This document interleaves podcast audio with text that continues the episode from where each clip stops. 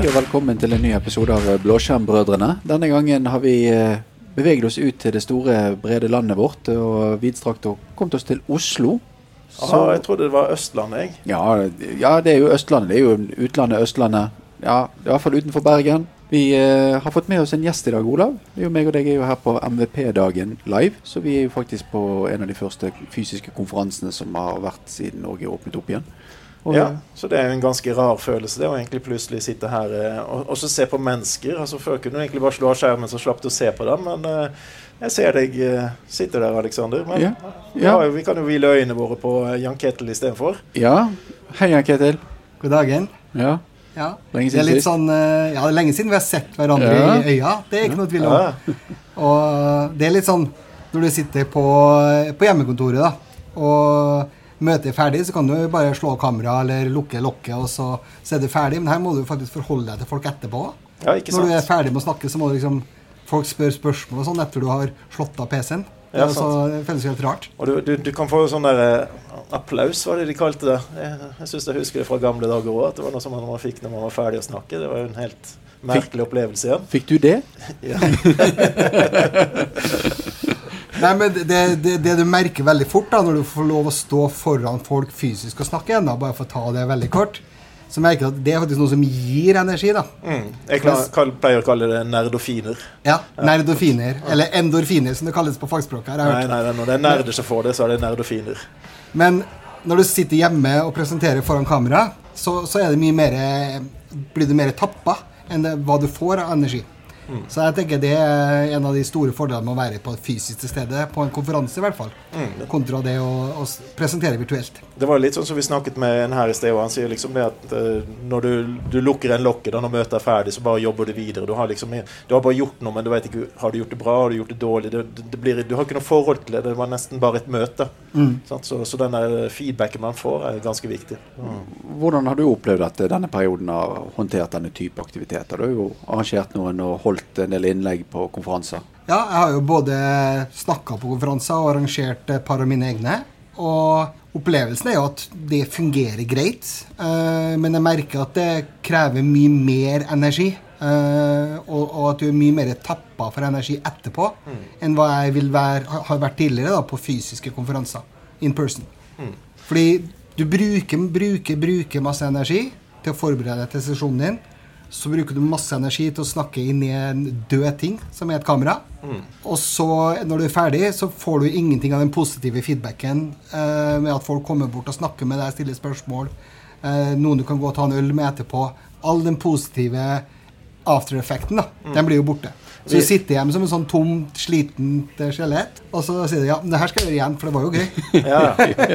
Vi kjenner oss litt igjen i dette, her, Olav. Ja, men vi ser, altså, jeg, jeg, følte vi fant en ganske grei løsning på det der. For selv om du hadde, du hadde kohorter, så kunne du ha omgå noen. Og jeg hadde jo flaks at jeg omgikk Alexander, så han gikk inn i, i, i de fem. Sant? Dessverre for Alexander, heldigvis for meg. Eh, og, og, det vi merket, det var det at eh, for å få substitutter av å ha publikum, så hadde vi sesjoner sammen. For da hadde du noen du hadde en interaksjon mot, så du hadde faktisk en helt annen stemning når du holdt på. da Det var lettere å ha rett humør, og du kunne liksom tenke litt lettere tanker og spøke litt med hverandre, sånn som du ofte gjør mot publikum. sant? Ja, og det så vi jo bare på MVP-dagen i fjor, da, når vi faktisk var her i Oslo sammen, alle som var herfra. For det var en litt sånn åpning i det å kunne gjøre ting i fjor høst. Og da var vi jo sammen her, og vi var i salen og hørte på hverandre. Vi var jo ikke publikum, alle var jo presentere sammen, men, men, det var folk der.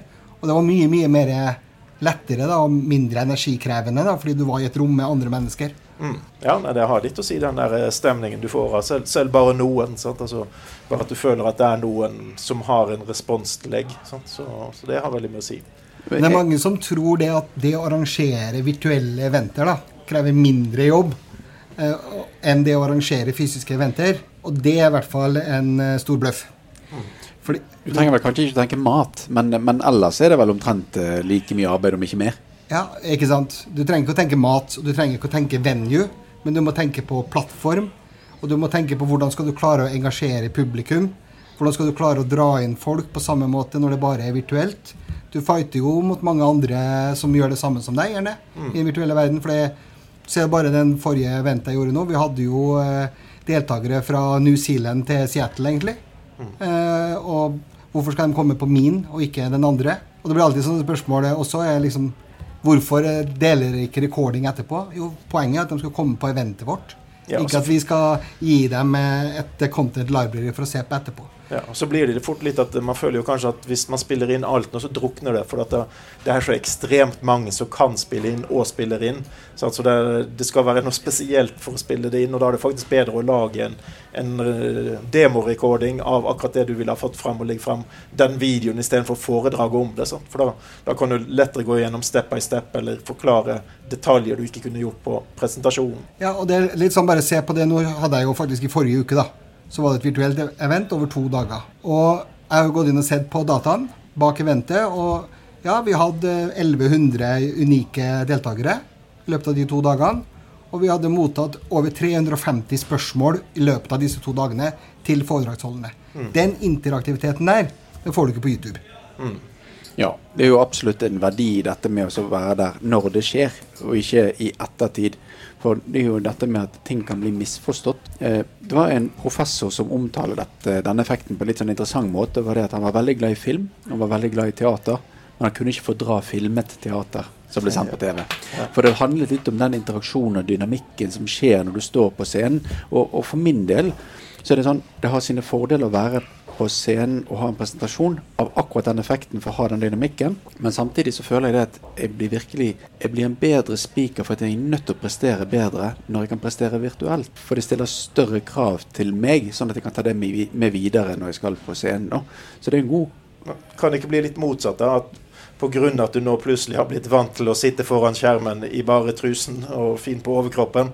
Eh, så du legger i tillegg en del uvaner som er fornuftig på, på et eh, nettmøte, men som kanskje ikke er så sjarmerende hvis du, du møter opp på scenen. Absolutt, men nå har jo meg og deg hatt denne, denne finurlige kohorten vår der jeg har vært nødt til å ha på meg pysjbuksen hele tiden. da. Jeg har jo ikke sluppet unna noen ting. Og Likevel sa du ikke noe til meg at jeg og kanskje bør følge den kodeksen der.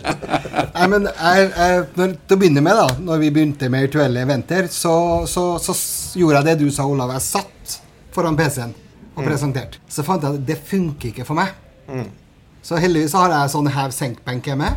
Så det jeg begynte å gjøre, var at jeg begynte å, å heve pulten og stå og presentere på samme måte som jeg gjør når jeg presenterer på scenen.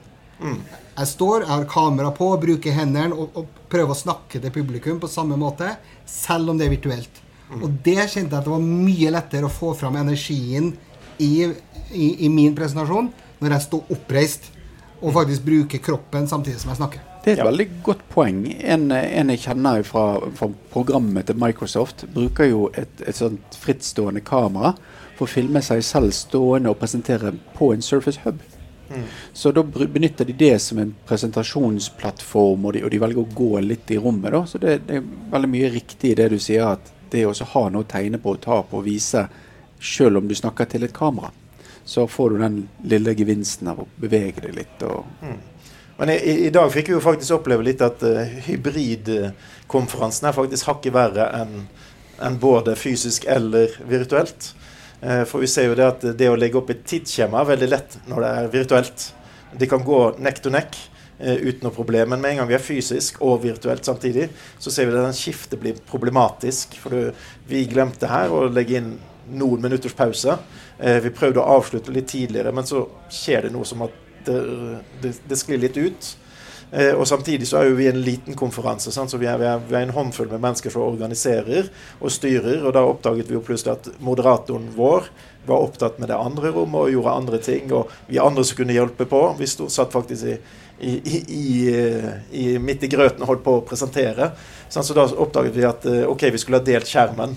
Eh, Vi trodde skjermen var delt eh, helt, helt automatisk, eh, siden vi brukte Teams Room, men teknologien sviktet litt, og vi klarte faktisk ikke å fange det opp. Så hybridmøter tror jeg faktisk er det verste så lenge du ikke er folkstaffet opp for den funksjonen og den funksjonen. Du må prioritere en av delene hvis det er for lite. sånt. Ja, det tror jeg også. Og det er jo heldigvis da, så er det jo flere og flere som begynner å profesjonalisere dette også, hybride eventer. Eh, men det krever jo da at du må bruke noe penger, som gjerne sånne frivillige community-eventer som vi gjør, ikke har. Eh, du må kanskje ha mer sponsormidler, og, og da faktisk alliere deg med et studio.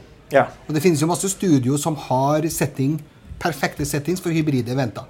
Hvor du har egne produsere som styrer hele pakka. Og det eneste vi trenger å konsentrere oss om, er det vi er gode på. Ja. Det å presentere. Ja, sant. Det, det, det er jo det vi liker å gjøre. Det er der nerdofinene våre kommer inn. Sant? At Ja. vi, vi kan stå der og fokusere på det. Og hvis du samtidig fokuserer på hvordan ser presentasjonen min ut på møtet, så mister du eh, å leve i nuet. Sant? Altså når du står på scenen, så, så må man bevege seg rundt, som du sier, Jan Ketil. Vi, vi kan jo ikke stå rett opp og ned. Se hva jeg har å si. Og falle, det kan jo alle, osv. Så, Ja. eh, så, så vi, er, vi er nødt til å få den eh, interaksjonen med publikum, og ikke minst at vi selv føler at vi har friheten til å, å agere rundt omkring. og vi, Da kan ikke du tenke på det som ligger bak. Så, Nei, og jeg tror også dette å Og vi vet jo ikke helt hvordan verden ser ut om seks måneder, tolv måneder, men vi ser jo at det kommer tilbake mer og mer fysiske eventer. Uh, vi har jo et stort event her i Oslo i februar, f.eks. Mm. Uh, som de da skilte med at de regner med å ha vanlig mengde folk inne i bildet. Så jeg tror definitivt, jeg håper definitivt at fysiske, ordentlige eventer kommer tilbake. Jo før, jo heller. Men i mellomtida så syns jeg det er veldig bra at vi har klart å få til såpass mye virtuelt som vi har. da, I, i community eh, rundt Microsoft-verdenen i hvert fall. Eh, For vi har fått til ganske mye bra. Vi kan, jo, vi kan jo egentlig snu litt på den interessante filosofien her. er jo det at Vi har jo vært veldig heldige at dette møtte når alle disse teknologiene var akkurat såpass modne som de var. Hadde man kommet ti år før, så hadde vi hatt store problemer med å gjennomføre en vanlig samtale. Nå har vi veldig mange avanserte, fulle digitale konferanser. Så, så vi har jo tross alt eh, truffet litt på, på teknologien, og teknologien har modnet veldig. Det var jo en eksplosjon i utvikling veldig kort når dette skjedde. For vi så at det var ikke helt modent. Det var på vei til å bli det. Og så så vi at utviklingen på én til to måneder var astronomisk i forhold til hva man hadde vært vant til i den tidsperioden. du kan bare ta Microsoft Teams da som eksempel. Mm. Sant? I det, I det verden ble låst nesten hele verden ble låst i løpet av mars måned, Mm. så var det ikke noe tvil om at Microsoft sleit i backend. Ja. Det var altfor mye videomøter, det var altfor mye samtaler som gikk samtidig. Og Microsoft måtte skru ned kvaliteten på audio og video og alt for i hele tatt kunne håndtere loaden. Ja, og Samtidig så var de jo faktisk ute og så sa at uh, ikke ta shutdown på VM-ene dine i Azure, for det er ikke sikkert du får dem opp igjen. Ja, altså det var, det var en, en kort periode hvor det var liksom det å få ressursene til å gå opp med Ja. Og dem, eh, men nå er jo kvalitetene skudd opp igjen, på, og jeg tror ikke mengden videomøter har gått betraktelig ned i løpet av de siste seks månedene. Jeg tror fremdeles eh, trenden er oppadstigende. Men ja, alle trengte litt tid på å snu seg, tror jeg, den eh, etter 16. mars eh, eh, lockdown, for å si det sånn. Men, men jeg tror vi skal sette en eh, liten strek der. Eh, Men eh, jeg tenker, Jan Ketil, du har jo noe du vil snakke med i en, en ny episode. Ja. Eh, Vi har jo disse hjemmebrukerne og ikke-hjemmebrukerne og bortebrukerne og hele pakken. Så jeg tenker vi, vi tar en episode med deg ganske så snart. Så sier vi takk for nå. Veldig hyggelig, Jan Ketil. Hei, hei. Vi er fortsatt her på MP-dagen, vi, og vi har jo hatt eh, Jan Ketil her på besøk. Og nå har vi jo gått og fått tak i Bastian. Hallo, Bastian. God dag, god dag. Av en eller annen grunn føler jeg litt at vi har gått over bekken etter vann. For du eh, holder jo til ikke så langt ifra Bergen nå. Nei, nei, nei. Det er vakre Bolstadøer i Voss herad. Voss herad. Ja, Ja, ja, ja. Og eh, vi har vel eh, hatt litt presentasjoner på Nikk i dag, sier jeg. MVP-dagen. Du må slutte å lese på nettet når du sitter i en podkast. Ja, riktig. Lukk igjen den PC-en og fokuser på hvor du er. Lev i nuet. Lev i nuet, ja. Ja. Vær til ja.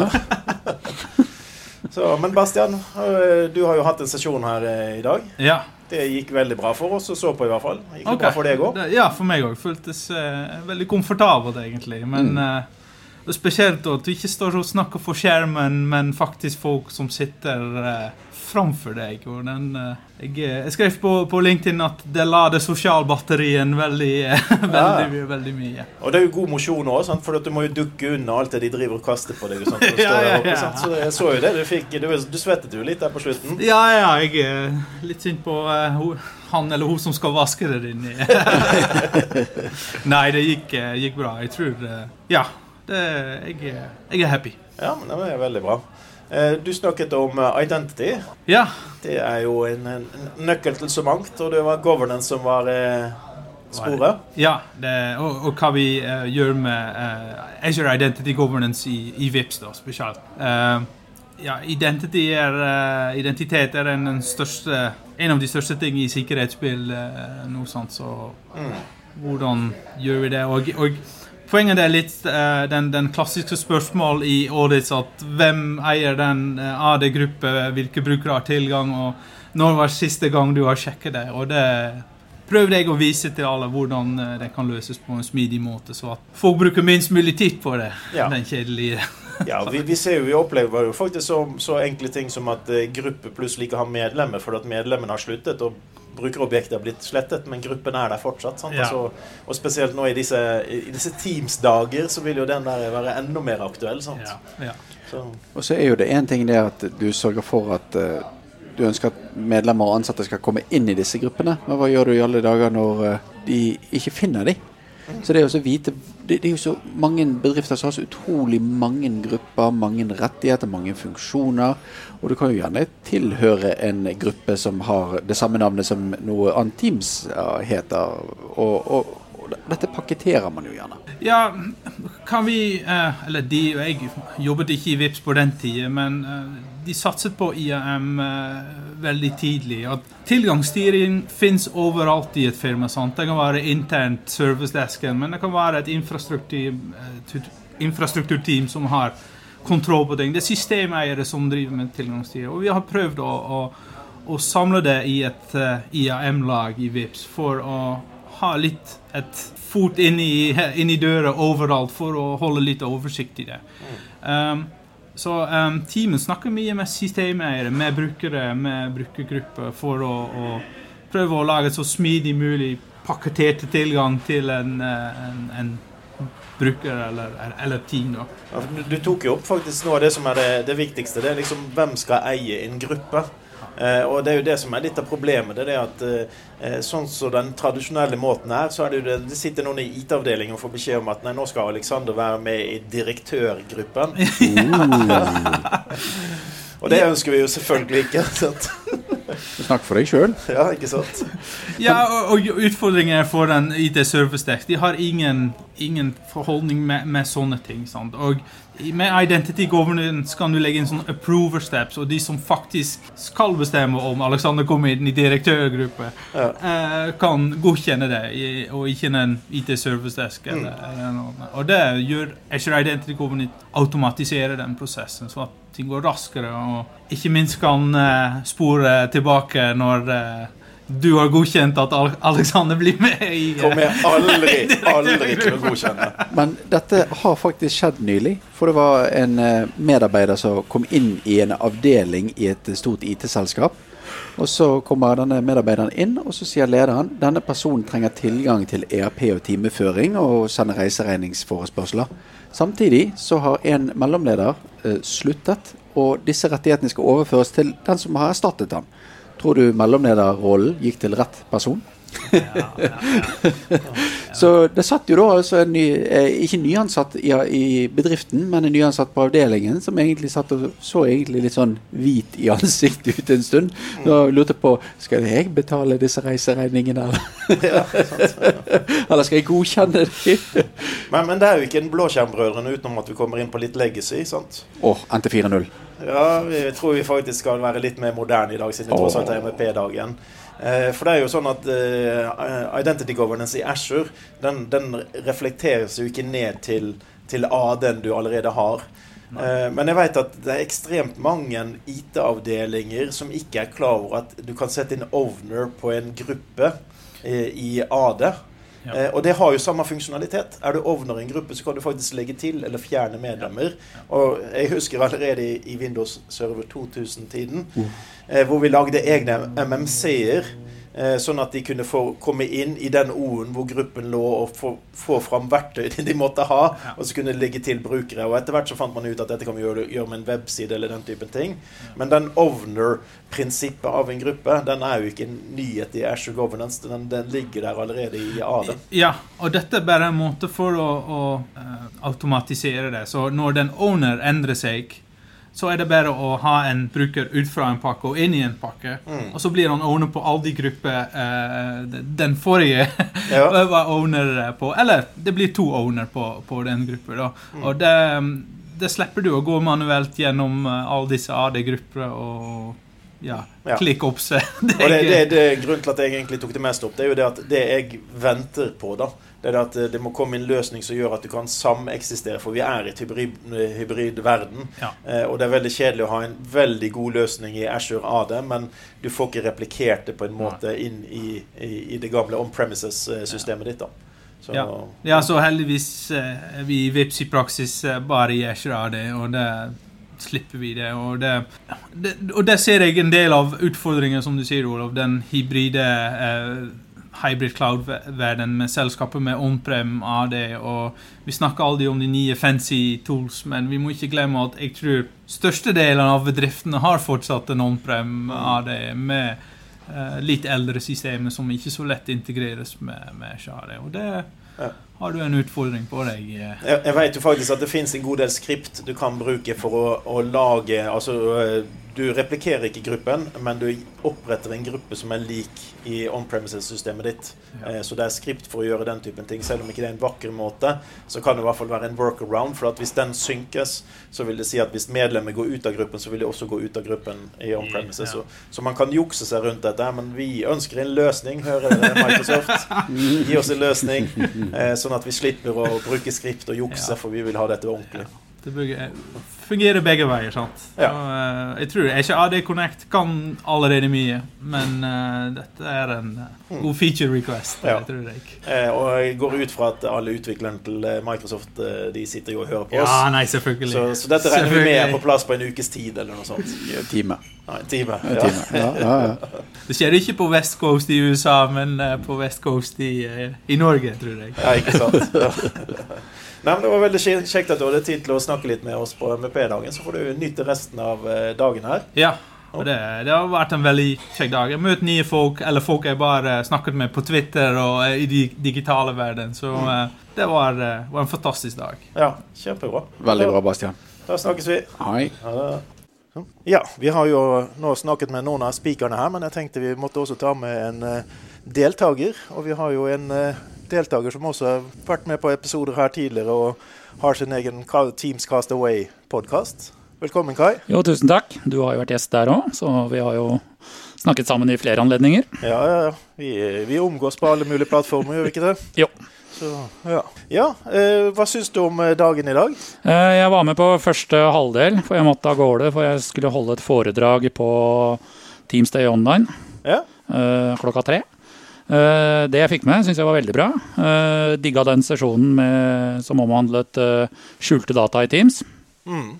Den var nyttig for min del. Men klart, jeg jobber jo med Teams, så det blir jo litt sånne spor. Og så var jeg også innom Jan Vidar Elven sin Zero Trust, Mm. som også var veldig nyttig. Der lærte jeg mye. Ja. Så dette har vært bra. Ja, det har jo vært litt Teams-relatert i dag, faktisk òg. Vi hadde Ja. jo governance i Teams, som var eh, også ganske spennende, tror jeg, for de som deltok. Å Mm. finne litt ut hvordan skal du overleve i, i gruppe-H, Ja. eh, som fort kan oppstå. Mm. Så ja. Nei, men det har vært en uh, lærerik dag, da. Ja, Så- jeg syns det.